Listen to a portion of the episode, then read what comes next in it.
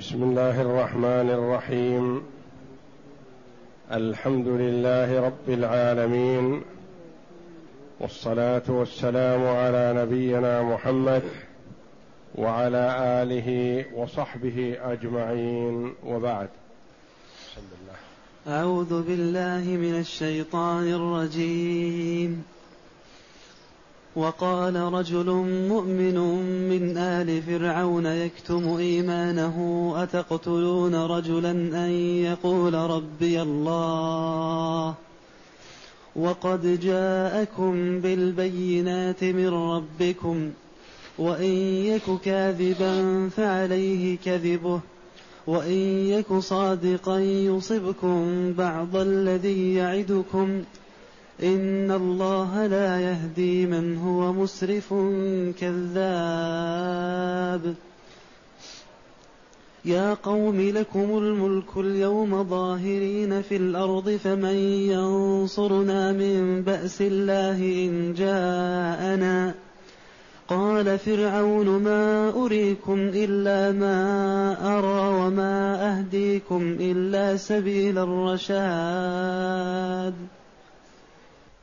هاتان الآيتان الكريمتان من سورة غافر في قصة موسى على نبينا وعليه أفضل الصلاة والسلام مع فرعون اللعين. وما قال له موسى ولقومه وقال موسى إني عذت بربي وربكم من كل متكبر لا يؤمن بيوم الحساب.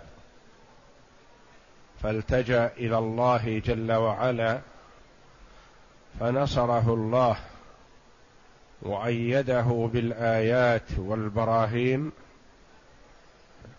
وانبرى وظهر رجل من آل فرعون يحاج فرعون وقومه عن موسى عليه الصلاة والسلام. فقال الله جل وعلا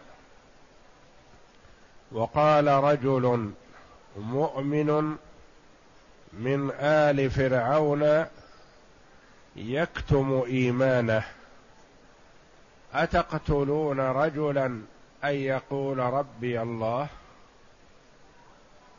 وقد جاءكم بالبينات من ربكم وإن يك كاذبا فعليه كذبه وإن يك صادقا يصبكم بعض الذي يعدكم إن الله لا يهدي من هو مسرف كذاب الآية. هذا الرجل من آل فرعون أي من قوم فرعون على ما قاله كثير من المفسرين رحمهم الله. قيل هو ابن عم فرعون فهو ند له ومثيل له وهو أحق بالملك منه فهو من الفراعنة من الأقباط قبطي. والله جل وعلا يظهر للعباد قدرته فهو يهدي من يشاء ويضل من يشاء. فلا يقال إن هذا من خاصة فرعون أو من أعوان فرعون أو من نظراء فرعون لا يمكن أن يؤمن. فقد آمن هذا الرجل وآمنت امرأة فرعون لئلا يكون حجة للناس في أن يقول المرء أنا أود الإيمان والمتابعة للرسل والصلاح والاستقامة لكن يمنعني من ذلك رئيسي أو والدي أو المتسلط علي. أو الآمر لي والناهي لا. امرأة فرعون آمنت بموسى عليه الصلاة والسلام ورضي الله عنها وهي تحت فرعون. وابن عم فرعون هذا آمن بموسى عليه الصلاة والسلام ولم يمنعه من الإيمان قربه من فرعون. كذلك في المقابل والضد. لا يتعلق الشرير بصلاح قريبه فيظن أنه ينال خيرا بقربه من الرجل الصالح وإن كان هو فاسقا. فلا تعلق بذلك. فالله جل وعلا يقول تبت يدا أبي لهب وتب. ما أغنى عنه ماله وما كسب. سيصلى نارا ذات لهب. وامرأته حمالة الحطب. في جيدها حبل من مسد وهو عم النبي صلى الله عليه وسلم. وقال الله جل وعلا لنوح على نبينا وعليه أفضل الصلاة والسلام لما خاطب نوح ربه في ابنه فقال رب ان ابني من أهلي وإن وعدك الحق وأنت أحكم الحاكمين.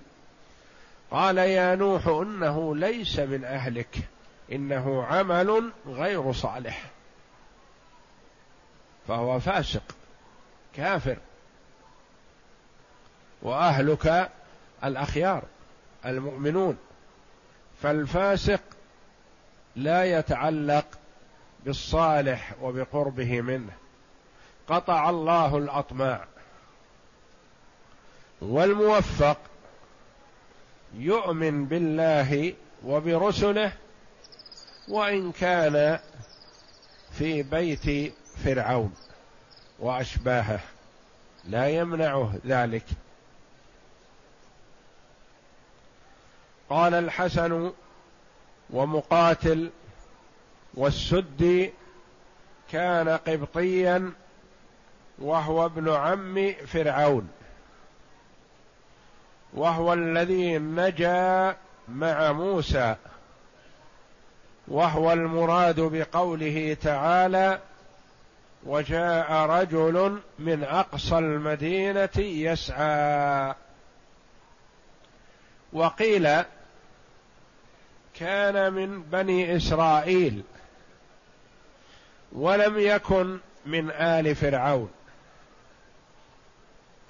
وهذا القول خلاف الآية وقد تحمل على ذلك لكن بتأويل بتقديم وتأخير. فحملها على ما دلت عليه ظاهرا بدون تأويل أو لا يعني أنه من آل فرعون. فإذا كان من بني إسرائيل احتيج إلى تقديم وتأخير. فنؤول نقول وقال رجل مؤمن من بني إسرائيل يكتم إيمانه من آل فرعون. يكتم إيمانه من آل فرعون. وحتى لو قلنا هذا فلا يستقيم. لأن قولنا يكتم إيمانه من آل فرعون يعني يخاف في إظهار الإيمان من آل فرعون. يكتم إيمانه من آل فرعون لقلنا يكتم إيمانه آل فرعون. يكتم إيمانه ما يصلح أن نقول من آل فرعون؟ ما نقول يكتمه من كذا. يكتم هذا الأمر من إخوانه. مثلا يكتم هذا الأمر إخوانه. وقال رجل من بني إسرائيل مثلا يكتم إيمانه آل فرعون. ما يصلح من آل فرعون. ثم إن كونه من بني إسرائيل ويقول هذا القول لفرعون اللعين وهو من عرف بالجبروت والغطرسة والضلال والتعدي وسفك الدماء ما تحمله ساعة فتك به في الحال. لو كان من بني إسرائيل. لكن كونه من بني قومة سمع ما قال وسكت ولم يفعل به شيئا لأنه لو فعل به شيء لقام قرابته وأسرته في الدفاع عنه. ثم انفلت الأمر من فرعون.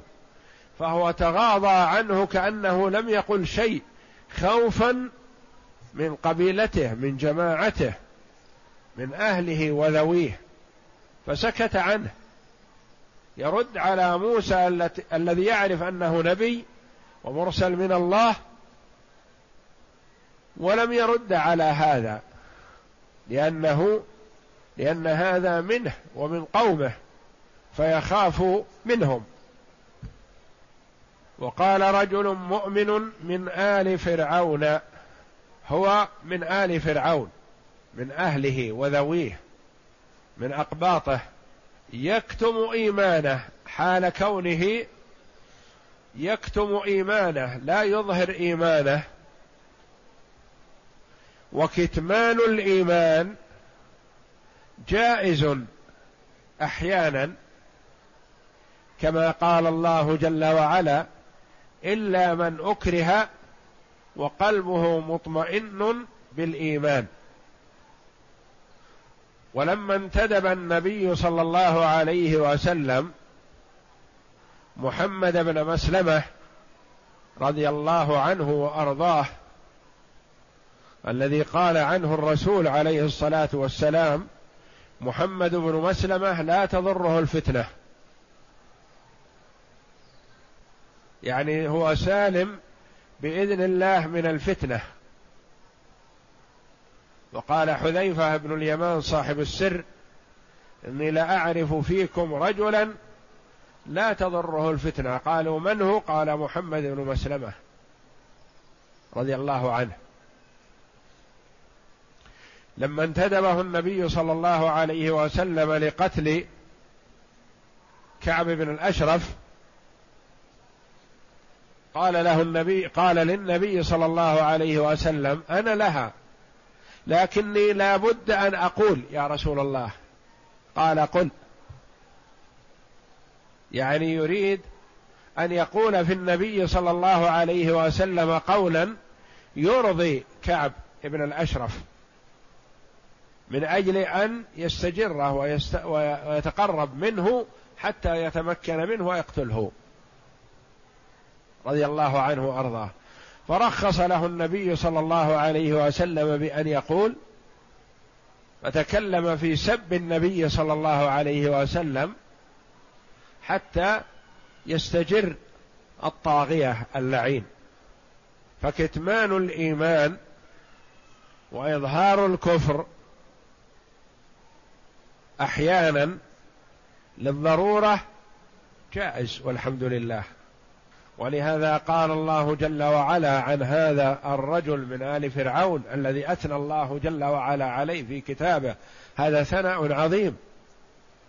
أن يذكره الله جل وعلا في كتابه العزيز يتلى إلى يوم القيامة. وقال رجل مؤمن وصفه الله جل وعلا بالإيمان ووصفه بأنه يكتم إيمانه. قال أتقتلون رجلا أن يقول ربي الله؟ الهمزة هنا للاستفهام الإنكاري. إنكار عليهم. كيف تقتلون هذا الرجل؟ من أجل أنه يقول ربي الله؟ أن يقول ربي الله في محل المفعول من أجله. رجلا مفعول تقتلون. تقتلون رجلا أن يقول ربي الله من أجل أنه يقول من أجل قوله ربي الله. وإنسان يتكلم عن نفسه بشيء لا ضرر فيه على الآخرين ما ينبغي أن يتعرض له. يعني كونه يقول ربي الله ما يستدعي ولا ينبغي أن يقتل من أجل هذا الكلام. أن يقول ربي الله لأن معرفة الله جل وعلا موجودة في الفطر. الكفار يعرفون الله والكثير منهم يؤمنون بتوحيد الربوبية. يعني أن الله هو الخالق الرازق المحيي المميت. هذا ما ينكره لا كفار قريش ولا الفراعنة ولا غيرهم. وإنما هم كفروا بالألوهية. وقد جاءكم بالبينات من ربكم. والحال أنه قد جاءكم بالبينات. ولم يقل ببينة. جاءكم ببينات بدلائل ببراهين بمعجزات واضحة تدل على صدقه. وقد جاءكم بالبينات من ربكم فهو جاء بأدلة واضحة معجزات لا يستطيع أن يأتي بمثلها البشر. السحرة من عصاة الخلق ومن أشد الناس إجراما لما رأوا بأعينهم ما فعلت عصا موسى آمنوا. لأن فعلها ما يمكن أن يكون بسحر بشر. وليس بسحر وإنما هو من نوع السحر لأن السحر تخييل وهذا حقيقة.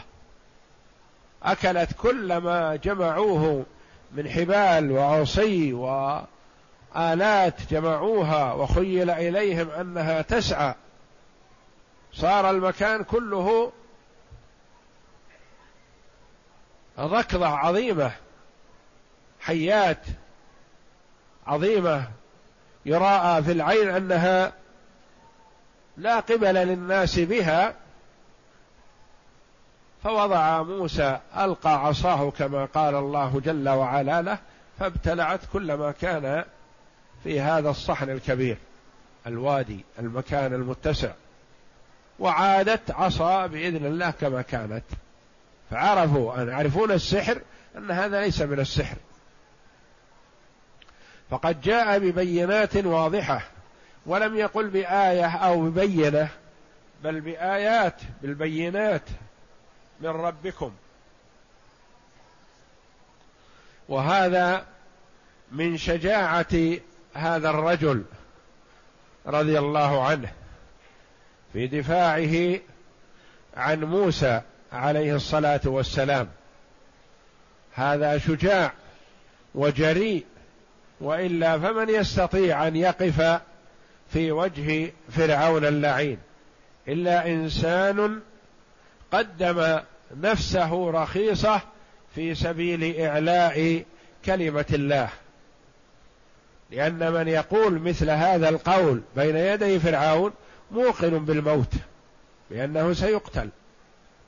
وأعظم الجهاد وأفضل الجهاد كما ورد في الحديث كلمة حق عند سلطان جائر. وكلمة هذا الرجل حق ولا أشد جورا وظلما من فرعون اللعين. فهو قام بأفضل الجهاد رضي الله عنه.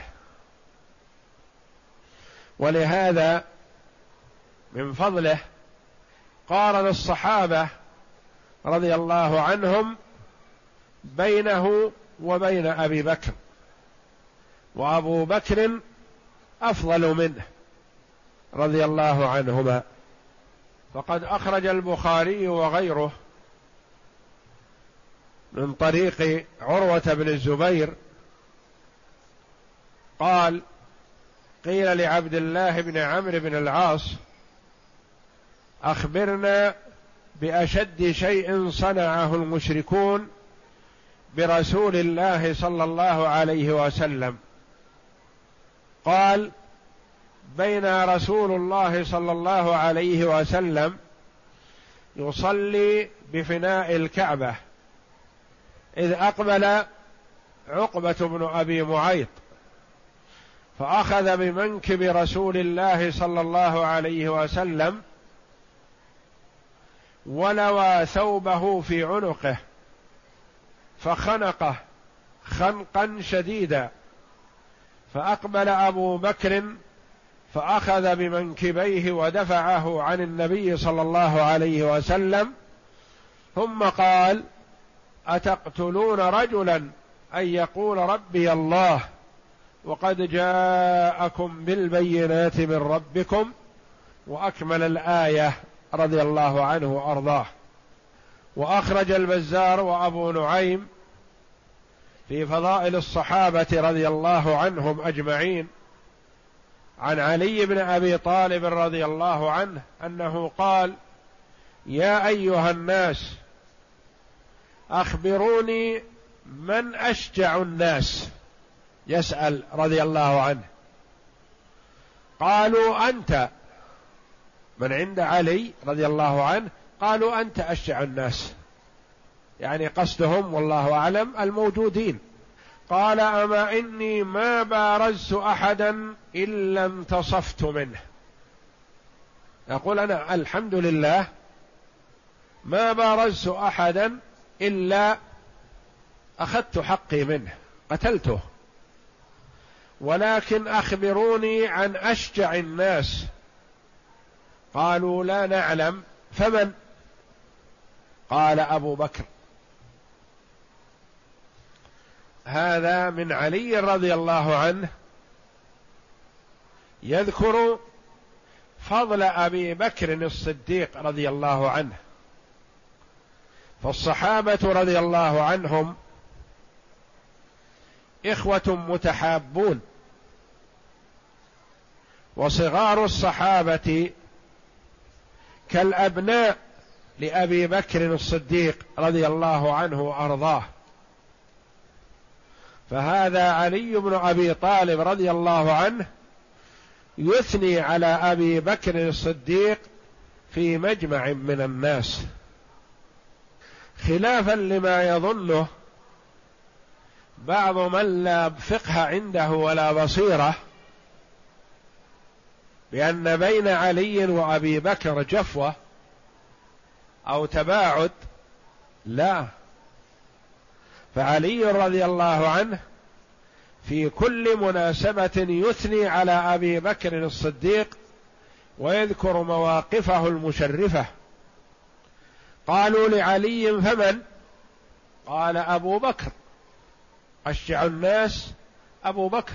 رأيت رسول الله صلى الله عليه وسلم وأخذته قريش فهذا يجنبه وهذا يتلتله. وهم يقولون أنت الذي جعلت الآلهة إلها واحدا؟ قال فوالله ما دنا منا أحد إلا أبو بكر. الصحابة رضي الله عنهم مع محبتهم للنبي صلى الله عليه وسلم خافوا من كفار قريش. يحلف علي رضي الله عنه يقول فوالله ما دنا منا أحد إلا أبو بكر. يضرب هذا يجيء هذا ويتلتل هذا وهو يقول ويلكم أتقتلون رجلا أن يقول ربي الله؟ ثم رفع بردة كانت عليه فبكى. هذا علي رضي الله عنه لما ذكر أبا بكر. حتى اخضلت لحيته يعني ابتلت لحيته من بكائه رضي الله عنه على أبي بكر الصديق. ثم قال أنشدكم أمؤمن آل فرعون خير أم أبو بكر؟ فسكت القوم فقال ألا تجيبون؟ فوالله لساعة من أبي بكر خير من مثل مؤمن آل فرعون. ذاك رجل يكتم إيمانه وهذا رجل أعلن إيمانه. رضي الله عنه. يعني ما كتمه وما خاف من كفار قريش. بل دخل وخلص النبي صلى الله عليه وسلم حتى أقبلوا على أبي بكر وفتكوا به وحمل رضي الله عنه وهو في غيبوبة لا يدرك من شدة ما وقع عليه من الضرب والأذى. ثم صحى بعد ذلك رضي الله عنه وأرضاه. فالله جل وعلا أثنى على هذا المؤمن من آل فرعون وفي أمة محمد صلى الله عليه وسلم من هو أفضل منه بشهادة علي بن أبي طالب رضي الله عنه. أتقتلون رجلا أن يقول ربي الله؟ وقد جاءكم بالبينات من ربكم وإن يك كاذبا فعليه كذبه وإن يك صادقا يصبكم بعض الذي يعدكم. تلطف هذا الرجل أعطاه الله جل وعلا الحكمة في المجادلة والمخاصمة بالحق لأجل أن يدافع عن موسى عليه الصلاة والسلام بطريق الإيضاح والتقسيم كأنه ما يضيركم. لم تقتلونه؟ أو يكن صادق فيحصل عليكم ما وعدكم به. وإن يك كاذبا فعليه كذبه. وإن يك كاذبا فعليه كذبه. حذفت النون في يكو أصلها فإن يكن نون. وهذه كثير ما تحذف في القرآن. وللعلماء رحمهم الله في حذفها ثلاثة أقوال. منهم من قال وهو سيبويه إمام النحاة حذفت تخفيفا. حذفت تخفيفا. الأصل وإن يكن فقال وإن يكن حذفت النون تخفيفا. وقال بعضهم حذفت إلحاقا لها بالأفعال الخمسة وهي تفعلون ويفعلون وتفعلان ويفعلان ويفعلن.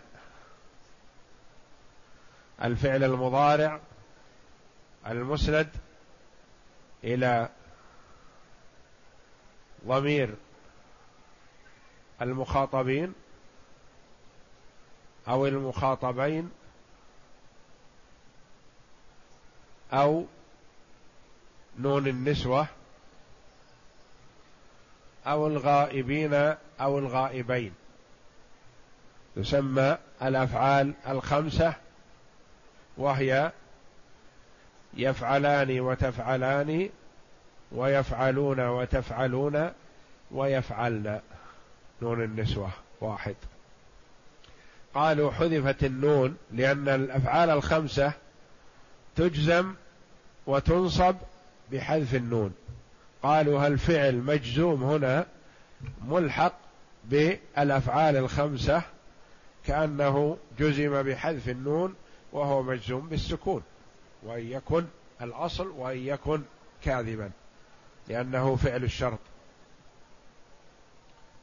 وقيل إلحاقا لها بالأفعال المعتلة الذي آخره واو أو ياء أو ألف بماذا يجزم؟ بحذف حرف العلة.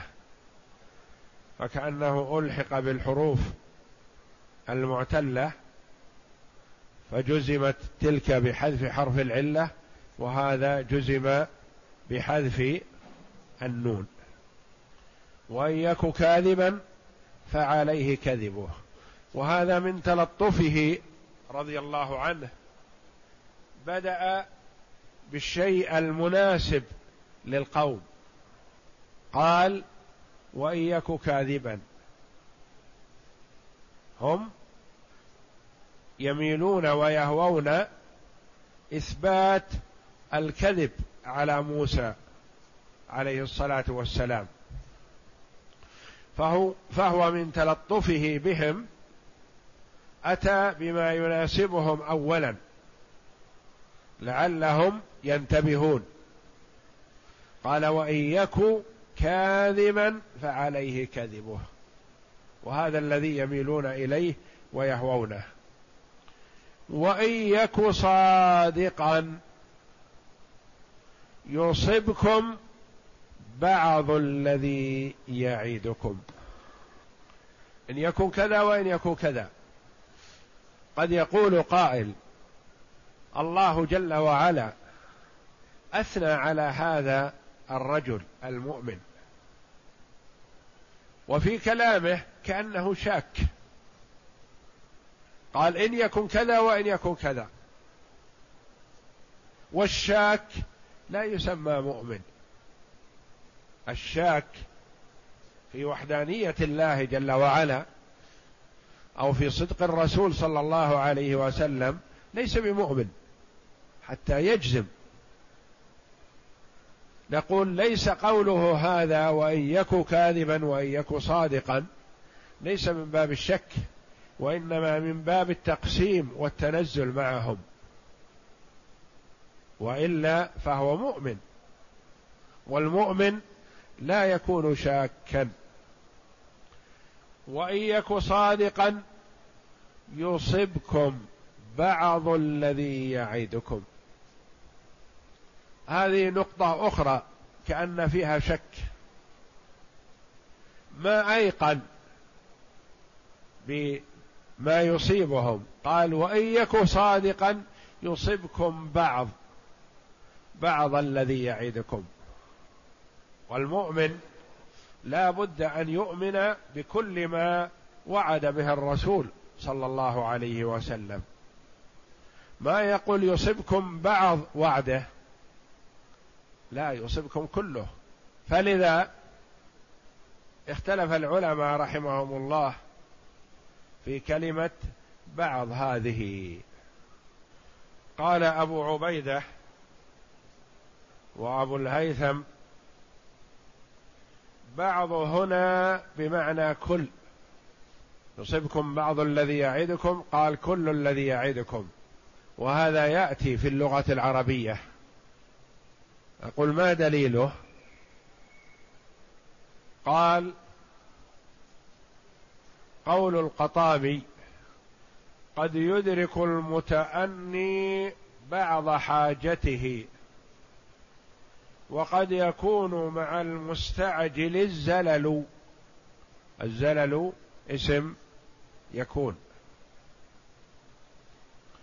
قد يدرك المتأني بعض بعض قد يدرك المتأني بعض حاجته. بعض هنا ليست مقصودة لأن المتأني يدرك حاجته كلها. قال تأتي بعض بمعنى كل فهو يمدح التأني ولا يمدحه بأنه يدرك شيء من حاجته وإنما يمدحه لأنه يدرك كل حاجته. قد يدرك المتأني كل حاجته. ورده بعض العلماء. قال لا يأتي لا يسوق. حتى لو جاء هذا البيت فليس قاعدة مضطردة. قال بعضهم أراد إيهامهم أنه في صفهم. يقول إن يك صادقا فقد يصيبكم بعض ما قال. افرضوا أن كل ما قال ما هو صح. لكن بعضه لو جاءكم بعض ما قال قضى عليكم وأفناكم. فهذا على سبيل التنزل معهم والتمويه لديهم بأنه ليس متحامل مع موسى وإنما هو كالمدافع عنهم. وكالخائف عليهم وأنه واحد منهم. كأنه قال أقل شيء يأتيكم بعض ما وعدكم. فلا يسوغ أن تردوه. وقال بعضهم بعض هنا صلة. والذين يقولون صلة يعني لا معنى لها لكنهم استحيا في أن يقولوا زائدة. لأنه ليس في القرآن شيء زائد. قالوا هذه صلة ليس المقصود بها معناها. وإن يكن صادقا يصبكم بعض الذي يعيدكم. هو في حال صدقه وتكذيبكم إياه وعدكم عذاب في الدنيا القتل وغيره. ووعدكم النار في الدار الآخرة. افرضوا أنه ليس هناك آخر ويوم آخر ويوم القيامة وحساب وعذاب عذاب الدنيا يكفيكم.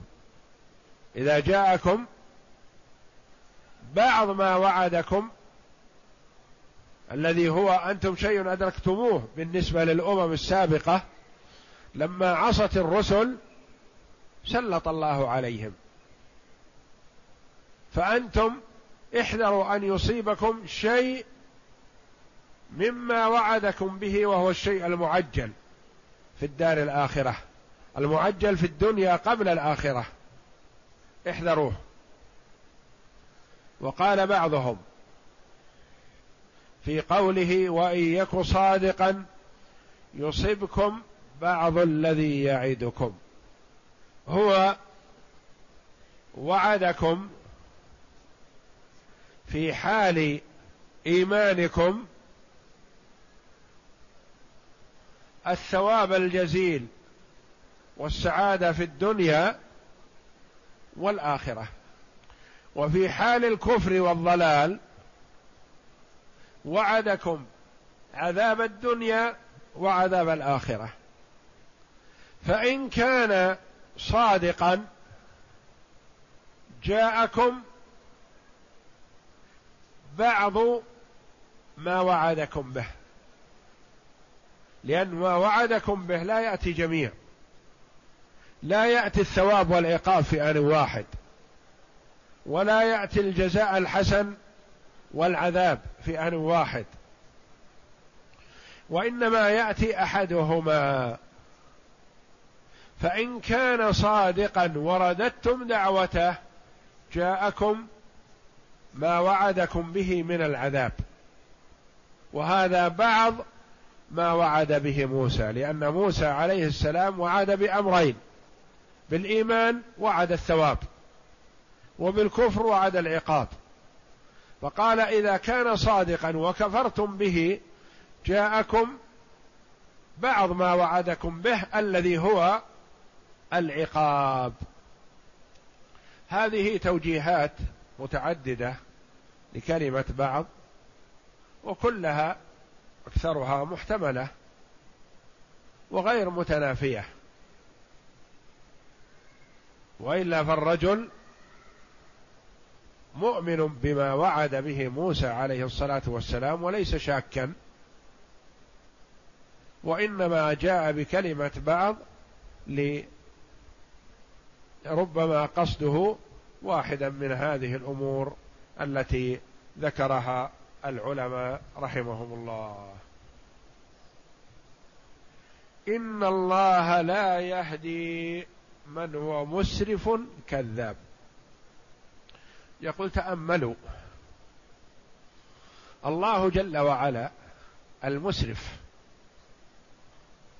لا يهديه ولا يوفقه للصواب.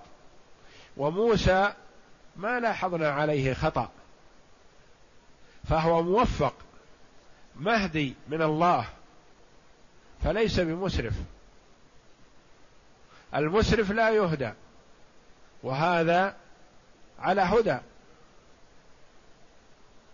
والكذاب كذلك يظهر تناقضه ويظهر افتراؤه وبعض كلامه يكذب بعضا وهو لم يظهر عليه شيء من هذا فليس بمسرف ولا كذاب فهو إذن مهتدي إذن على حق مما يستدل به على صحة دعوة محمد صلى الله عليه وسلم أن الله أيده ونصره وأظهره وأظهر أتباعه فهذا دليل على صدقه لأنه لو كان كاذبا ما جعل الله له التمكين في الأرض. وهذا يستدل به على كل من قام بدعوة حق أو باطل. إذا قام بدعوة حق مما يستدل به على صدقه تأييد الله جل وعلا له ونصره وظهور شأنه.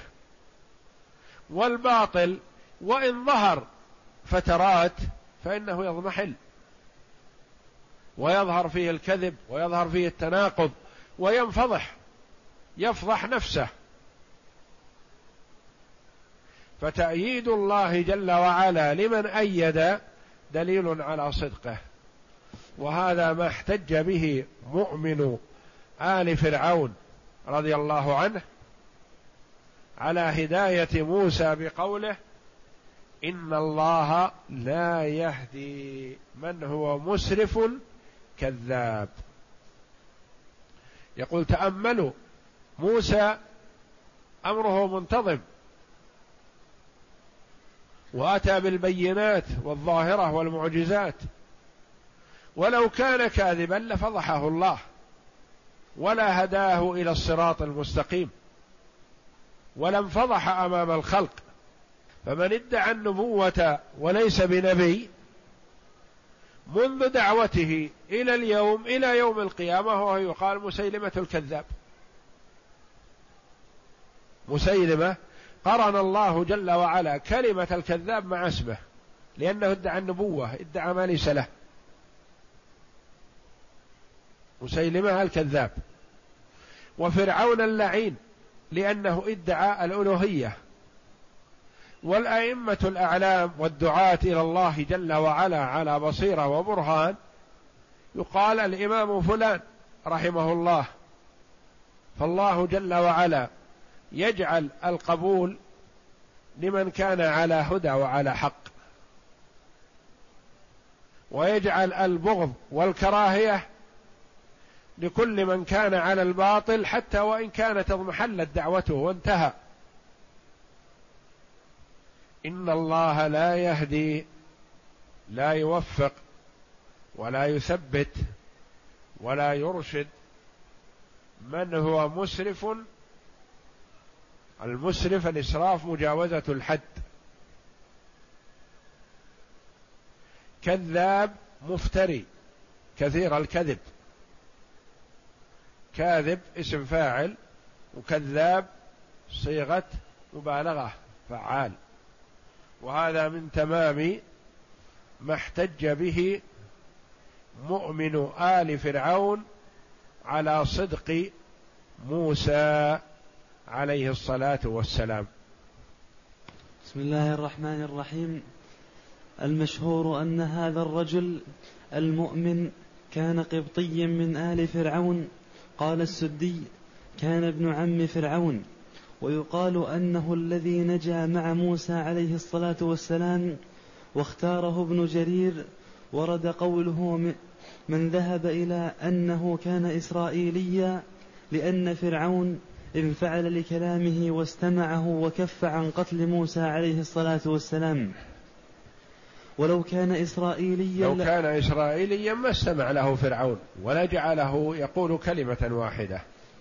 نعم. ولو كان إسرائيليا لأوشك أن يعاجل بالعقوبة لأنه منهم وقال ابن جرير عن ابن عباس رضي الله عنهما لم يؤمن من آل فرعون سوى هذا الرجل وامرأة فرعون والذي قال يا موسى إن الملأ يأتمرون بك ليقتلوك.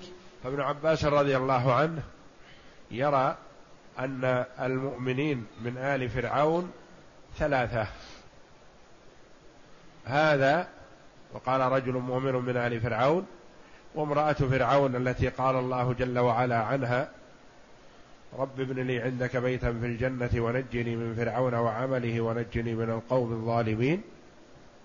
والذي جاء من أقصى المدينة يسعى.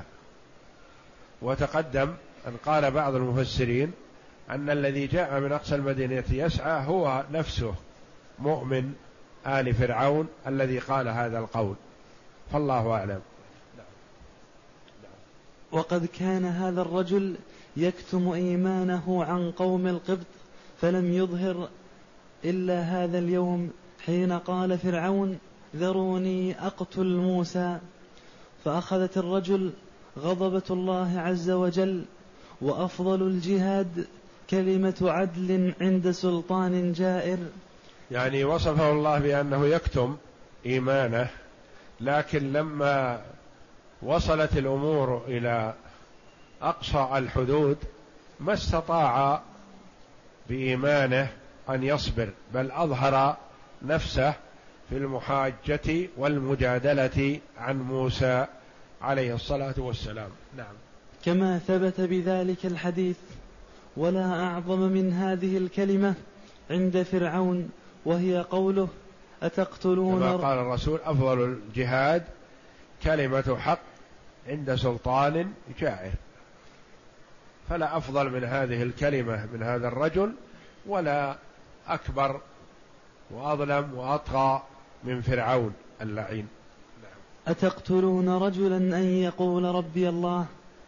اللهم إلا ما رواه البخاري في صحيحه قال قلت لعبد الله بن, بن عمرو بن العاص رضي الله عنهما أخبرني بأشد شيء صنعه المشركون برسول الله صلى الله عليه وسلم. ورد أن بين عم عبد الله بن عمرو بن العاص وأبيه. عمرو بن العاص 11 سنة. بين الأب وولده لأن عبد الله بن عمرو بن العاص رضي الله عنه كان من كبار الصحابة. رضي الله عنه وهو أحد العباد له لكنه كان كبير ما كان بينه وبين أبيه كما يقال إلا 11 سنة. دليل أن الرجل ممكن أن يولد له وهو ابن عشر سنين أو أحد عشر سنة. لأن الجارية ممكن أن تبلغ وهي بتسع سنوات. كما قال الإمام الشافعي رحمه الله رأيت جدة لها إحدى وعشرون سنة. جدة عمرها إحدى وعشرون سنة. حملت بتسع وولدت وعمرها عشر ثم كبرت ابنتها وتزوجت بتسع ثم ولدت البنت وعمر الجدة إحدى وعشرون سنة. نعم. قال بين رسول الله صلى الله عليه وسلم يصلي بفناء الكعب وعبد الله بن عمرو وعبد الله بن عمرو رضي الله عنه من السابقين إلى الإسلام. أسلم قبل أبيه عمرو بن العاص رضي الله عنهما. فالولد أسلم صغير وأسلم وهو قبل أن يسلم أبوه. نعم. قال بين رسول الله صلى الله عليه وسلم يصلي بفناء الكعبة إذ أقبل عقبة بن أبي معيط فأخذ بمنكب رسول الله صلى الله عليه وسلم ولوى ثوبه في عنقه فخنقه خنقا شديدا فأقبل أبو بكر رضي الله عنه فأخذ بمنكبه خنقه و... يعني لوى الثوب على حلقه حتى كاد أن يقتله. نعم. فأخذ بمنكبه ودفعه عن النبي صلى الله عليه وسلم ثم قال أتقتلون رجلا أن يقول ربي الله وقد جاءكم بالبينات من ربكم؟ انفرد به البخاري. وقال ابن أبي حاتم أنه سئل ما, ما أشد شيء رأيت؟ رأيت قريشا بلغوا من رسول الله صلى الله عليه وسلم قال مر صلى الله عليه وسلم بهم ذات يوم فقالوا له أنت تنهانا أن نعبد ما كان يعبد آباؤنا؟ فقال أنا ذاك. فقاموا إليه فأخذوا بمجامع ثيابه فرأيت أبي أبا بكر رضي الله عنه محتضنه من ورائه وهو يصيح بأعلى صوته وإن عينيه وإن لعينيه لسيلان وهو يقول يا قوم أتقتلون رجلا أن يقول ربي الله وقد جاءكم بالبينات من ربكم حتى فرغ من الآية كلها وهكذا رواه النسائي وقوله تعالى وقد جاءكم بالبينات من ربكم أي كيف تقتلون رجلا لكونه يقول ربي الله وقد أقام لكم البرهان على صدق ما جاءكم به من الحق ثم تنزل معهم في المخاطبة فقال وإن يك كاذبا فعليه كذبه وإن يك صادقا يصبكم بعض الذي يعدكم. يعني إذا لم يظهر لكم صحة ما جاءكم به فمن العقل والرأي التام والحزم أن تتركوا أن تتركوه ونفسه فلا تؤذوه. فإن يك كاذبا فإن الله سبحانه وتعالى سيجازيه على كذبه بالعقوبة في الدنيا والآخرة. يعني كذبوا عليه أنتم لا يضيركم. فلا ضرر عليكم منه. إن يك كاذبا فالله لن يتركه لأن الله جل وعلا لا يترك